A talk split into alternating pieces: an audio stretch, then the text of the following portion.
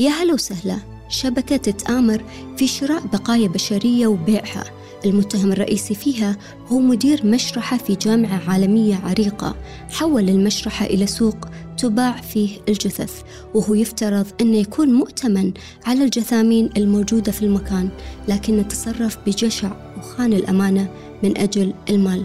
والفظيع بالموضوع أن الجثامين تبرع فيها أصحابها خدمة للبحث العلمي. خلونا نرجع للقصة من بدايتها.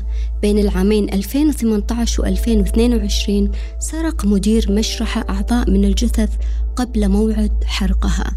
أحيان ينقل الأعضاء من المشرحة إلى بيته وهناك يبيعها هو وزوجته إلى أشخاص آخرين وأحيان يسمح للمشترين بدخول المشرحة وفحص الجثث عشان يختارون منها ما يرغبون بشرائه وكأنها بضاعة تباع وتشترى.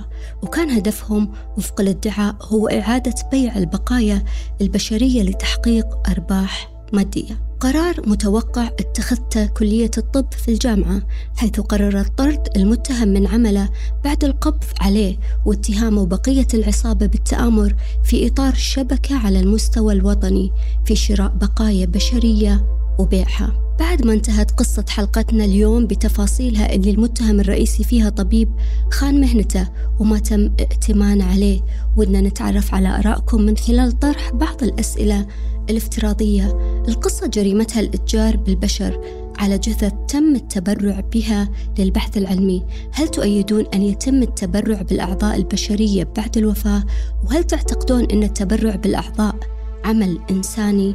أو أنه لا يتوافق مع طبيعة مجتمعاتنا؟ ما هي نظرتكم للتبرع بالأعضاء بعد الوفاة؟ هناك دول في المنطقة بدأت في السماح للأشخاص بالتقدم للتبرع بأعضائهم وفق شروط معينة.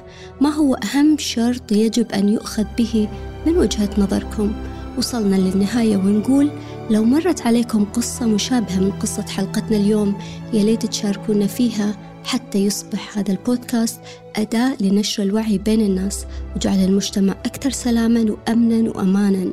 ننتظر تعليقاتكم وقصصكم وألتقيكم الأسبوع المقبل مع قصة أخرى أكثر تشويقا نكتسب منها العبرة. فمن الله.